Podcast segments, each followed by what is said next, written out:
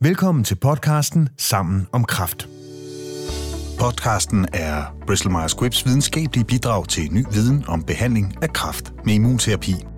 Immunterapien er et område med potentiale i kampen mod kræft. Specielt i de senere år er det bredt ud til flere og flere kræfttyper, og det bliver testet i forskellige sygdomsstadier og kombinationer. Blandt førende forskere på området er der bred enighed. Immunterapien er kommet for at blive, men med det potentiale følger også en skyggeside, de immunrelaterede bivirkninger, som i nogle tilfælde kan være alvorlige.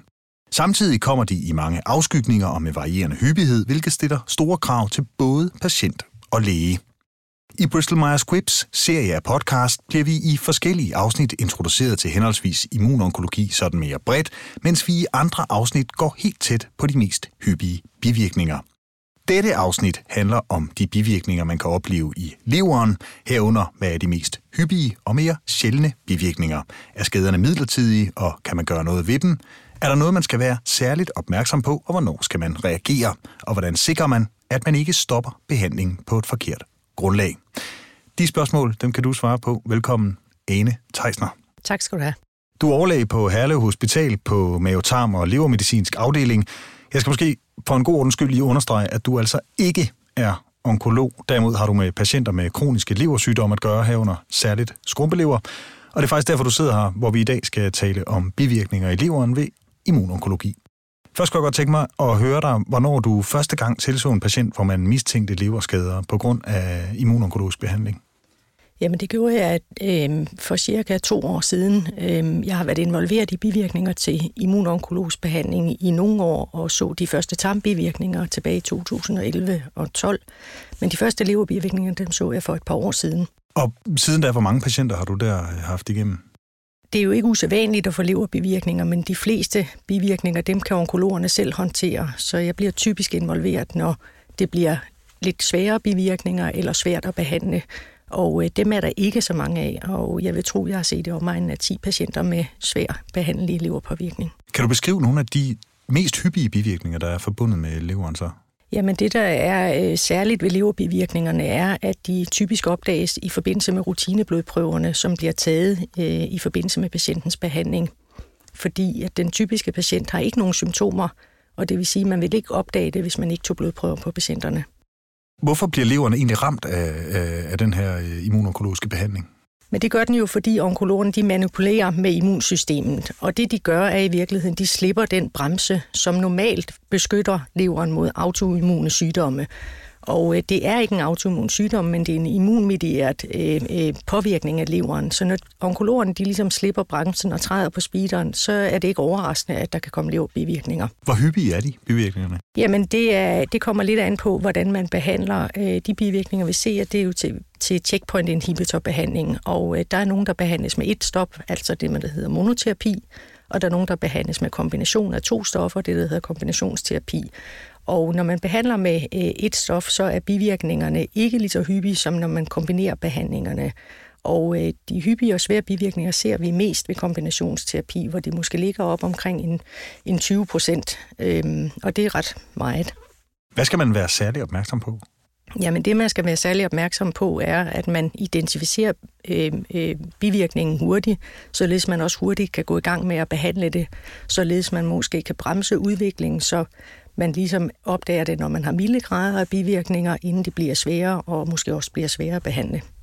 Så der er altså en sammenhæng mellem, jo hurtigere man opdager bivirkningerne, øh, jo, jo mildere kan de forblive. Altså det, er sådan en, det, det stiger ligesom... Øh... Ja, der, i hvert fald, altså man kan sige, det, det vi ved er, at når man laver kombinationsbehandling, så har man en bedre effekt på kræftsygdomme, men man har også en, en accelereret øh, udvikling af bivirkninger. Øhm, og, øh, og man ved, at jo hurtigere man går i gang med at behandle den her bivirkning, jo, øh, øh, jo hurtigere kan man måske vende tilbage til sin kræftbehandling. Symptomer på, på bivirkninger i, i leveren, øh, kan du prøve at beskrive dem? De fleste patienter vil ikke have nogen symptomer, og de patienter, der har symptomer, vil tit have det, der hedder uspecifikke symptomer. Det kan være træthed, det kan være kvalme, og det kan være symptomer, som man også ser i forbindelse med deres grundsygdom, altså deres cancersygdom. Så er der nogle få patienter med udtalt leverpåvirkning. De kan have mere det, der hedder leverspecifikke påvirkning og det kan være gulfarvning af huden, altså man ser, at man er gul i huden, det kan være hudkløe, og det kan være smerter oppe under leveren, op under højre side af ribbenene. Så det er altså ikke noget, patienterne nødvendigvis selv fanger det her? Nej, altså? det er noget, der skal fanges på rutinekontrollen af blodprøverne. Hvordan bliver man øh, sikker på, at symptomerne det ikke for eksempel viser en, en forværing af canceren, eller måske en, en anden leversygdom?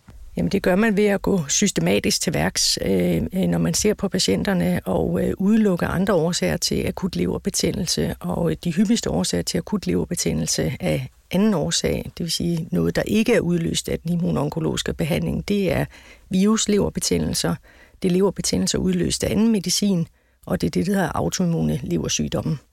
Og hvornår er hvad så hvad? Det var det spørgsmål, der vi ligesom ja. diskuterede før. Det kan jo være, jeg skal finde på at sige det på en anden måde. Nej, nej. Men, men, øh, men, men hvornår er... er hvordan, altså, jeg lader mig ikke bare sige det. Hvornår er hvad hvad?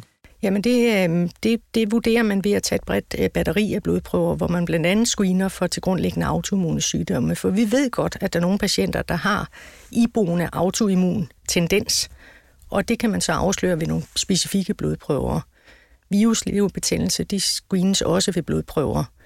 Og om det er kræften, der er i gang med at udvikle sig, det afhænger dels af, hvad det er for en patient, man har, og hvad man ved i forvejen, og man ved, at patienten har leveren, altså hvor leveren er involveret i kræftsygdommen. Det, altså når der er metastaser i leveren, så, så skal man være lidt mere vågen på det. Når du så har identificeret en øh, bivirkning, hvordan går man så i gang med, med at behandle det? Jamen så går man i gang med, med at give noget immundæmpende behandling, og øh, øh, som ved alle de andre immunrelaterede bivirkninger, så er det øh, binyrbarkhormon, man anvender her. Og øh, øh, dosen og, og administrationsmåden af binyrbarkhormon, det afhænger meget af, hvor svær leverpåvirkning man har.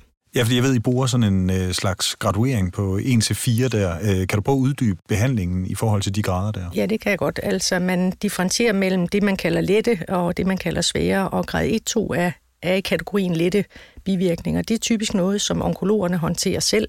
Det er noget, de øh, håndterer i det, der hedder ambulant regi, altså hvor patienten ikke nødvendigvis bliver indlagt, og hvor man anvender tabletbehandling af binyrbarkhormon. Og det gør man typisk øh, ved, at man anvender en mellemdosis binyrbarkhormon, og laver, ser effekten og laver en, en udtrapningsplan typisk over 4 til seks uger. Og på de her mere øh, svære tilfælde, altså kategori 3 og 4, hvor du er inde over, altså hvor, hvad er effekten af den behandling, man giver dig? Jamen altså, patienterne bliver så typisk indlagt, fordi at nu har man en patient med svær øh, leverpåvirkning, og det vil sige, at man har også en patient, som man skal monitorere tættere end den patient med de milde bivirkninger. Så typisk bliver jeg involveret den dag, patienten bliver indlagt, hvor jeg sikrer mig, at de korrekte blodprøver er taget. Man sikrer sig, om man skal have lavet øh, øh supplerende billeddiagnostiske undersøgelser, og så går man i gang med at behandle med højdosis binyrbarkhormon, som typisk gives ind i en nål og, øh, eller ind i en, direkte ind i åren på patienten. Og, øh, og så monitorerer vi dagligt for effekten af, af det her. Og øh, i de her patienter, der har svær leverpåvirkning, der er det jo, at der er en lille gruppe af dem, som formentlig blot er nogle få procent, men, øh, men som til gengæld ikke responderer på standardbehandlingen. Og der er det altså virkelig vigtigt, at vi er hurtigt ude og identificere de patienter og sikre, at der ikke er noget andet til grundlæggende leversygdom, som skulle behandles på en anden måde. Er leverskaderne reversible?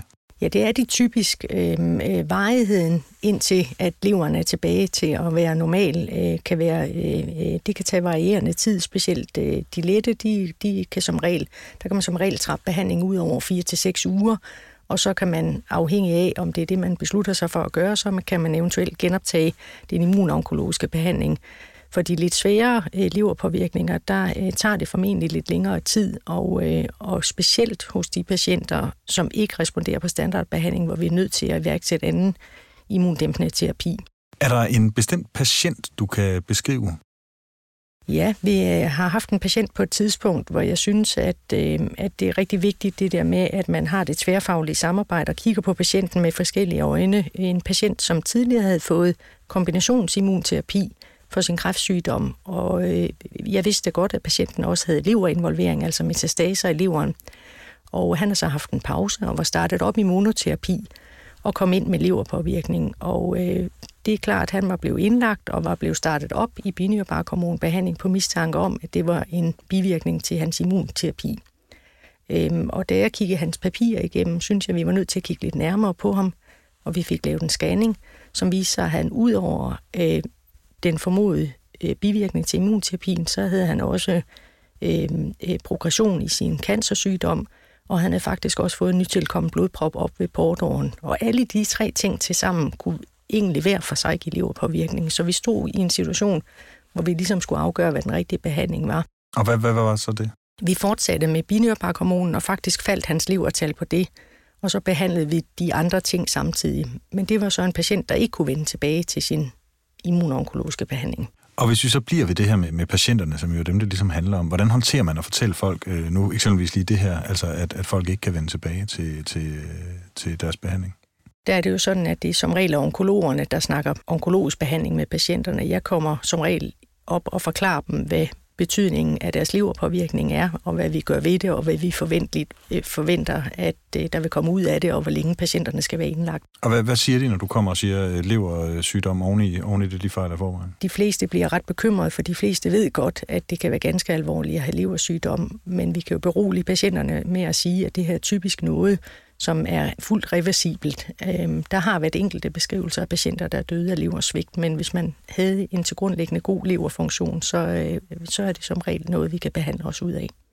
Det er jo nærligt at tro, at øh, bivirkninger af leveren de kommer, når man har øh, cancer i leveren også, men sådan hænger det ikke øh, sammen. Øh. Altså, vi er ikke vidne om, at patienter, der har cancer i leveren, er mere udsat for at få leverbivirkninger. Men der er nogle spørgsmål, som endnu er uafklaret, og det er, hvis patienter har en tilgrundliggende leversygdom i forvejen, så ved vi af andre årsager, hvis de får leverbetændelse af andre årsager, der ved vi, at de er mere sårbare og kan have et mere voldsomt forløb, hvis de får en bivirkning til behandlingen. Hvordan ved du, om en bivirkning faktisk er en bivirkning af, af immunterapien? Jamen det gør jeg jo ved at, at lave det her detektivarbejde, øh, øh, hvor jeg øh, prøver at udelukke nogle af de andre mere almindelige årsager, og øh, nogle gange så gør jeg det sideløbende med, at man starter behandlingen op. Og hvis behandlingen så dur, så må man sige, at så var det formentlig øh, korrekt antaget. Og så kigger vi selvfølgelig også lidt på tidsforløbet. Kan man sige noget om, om der er en, øh, en, en, en anden bestemt tid fra man begynder den øh, immunonkologiske behandling, og så til man oplever bivirkninger i leveren, hvis de opstår?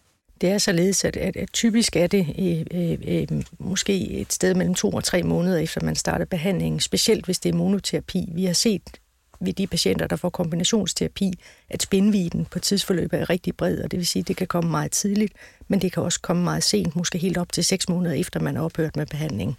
Så det er der omkring, man skal være særligt opmærksom? Det er i hvert fald vigtigt, at man er opmærksom også efter patienter er stoppet med behandling, fordi at man stadigvæk lang tid efter kan få sine immunonkologiske bivirkninger. Kan man genoptage den immunonkologiske behandling af en patient, hvis der har været bivirkninger i leveren? Hvis der har været dette bivirkninger i leveren, vil man typisk kunne. Hvis der har været svære bivirkninger i leveren, vil man typisk øh, ikke, ikke øh, ture genoptage behandlingen, men som sagt er det altid en øh, beslutning, der bliver taget af onkologerne. Samarbejdet med, med, på, på tværs af specialerne, hvordan, hvordan synes du, det fungerer? Det fungerer øh, rigtig godt, og det er særdeles vigtigt, at man har et etableret lokalt tværfagligt samarbejde med nogle få øh, personer, fordi at vi har med bivirkninger at gøre, som når de bliver svære at behandle, ikke er særlig hyppige, og det vil sige, at det er rigtig vigtigt, at det måske er de samme mennesker, der ser patienterne. Fordi der er så lille en, en gruppe? Fordi det er så relativt lille en gruppe, øh, der har svært behandlige bivirkninger. Så hvis man skal opnå noget erfaring i det her, så er man også nødt til at se nogle patienter. Ja, og i den sammenhæng, der ved jeg også, det ligger der meget på sinde, det der med at vidensdele. Ja, det gør det, fordi at øh, når vi står med nogle bivirkninger, som er, er sjældne og svære at behandle, så er det enormt vigtigt, at vi både lokalt, øh, nationalt og internationalt deler vores erfaringer, og specielt nu, når patienterne ikke længere behandles i protokol. Her til allersidst, hvis man nu sidder derude og ønsker mere information om behandling af bivirkninger, hvor kan man så finde det? Ja, så kan man downloade den app, der hedder Immuntox, eller gå ind på hjemmesiden immuntox.dk, hvor der er detaljeret beskrivelse af graderingen af bivirkningerne og behandlingen. Ane Theisner, tak fordi du kom og gav et indblik i, hvilke bivirkninger i leveren, der er risiko for ved immunonkologisk behandling. Selv tak. Hvis du er interesseret i mere viden om immunonkologi og ikke mindst de bivirkninger, der kan følge med, så kan du finde flere afsnit af podcasten Sammen om Kraft, der hvor du normalt hører podcasts. Her kan du høre andre eksperter uddybe mere generelt om immunonkologi og bivirkninger i eksempelvis huden, nervesystemet og nyrerne.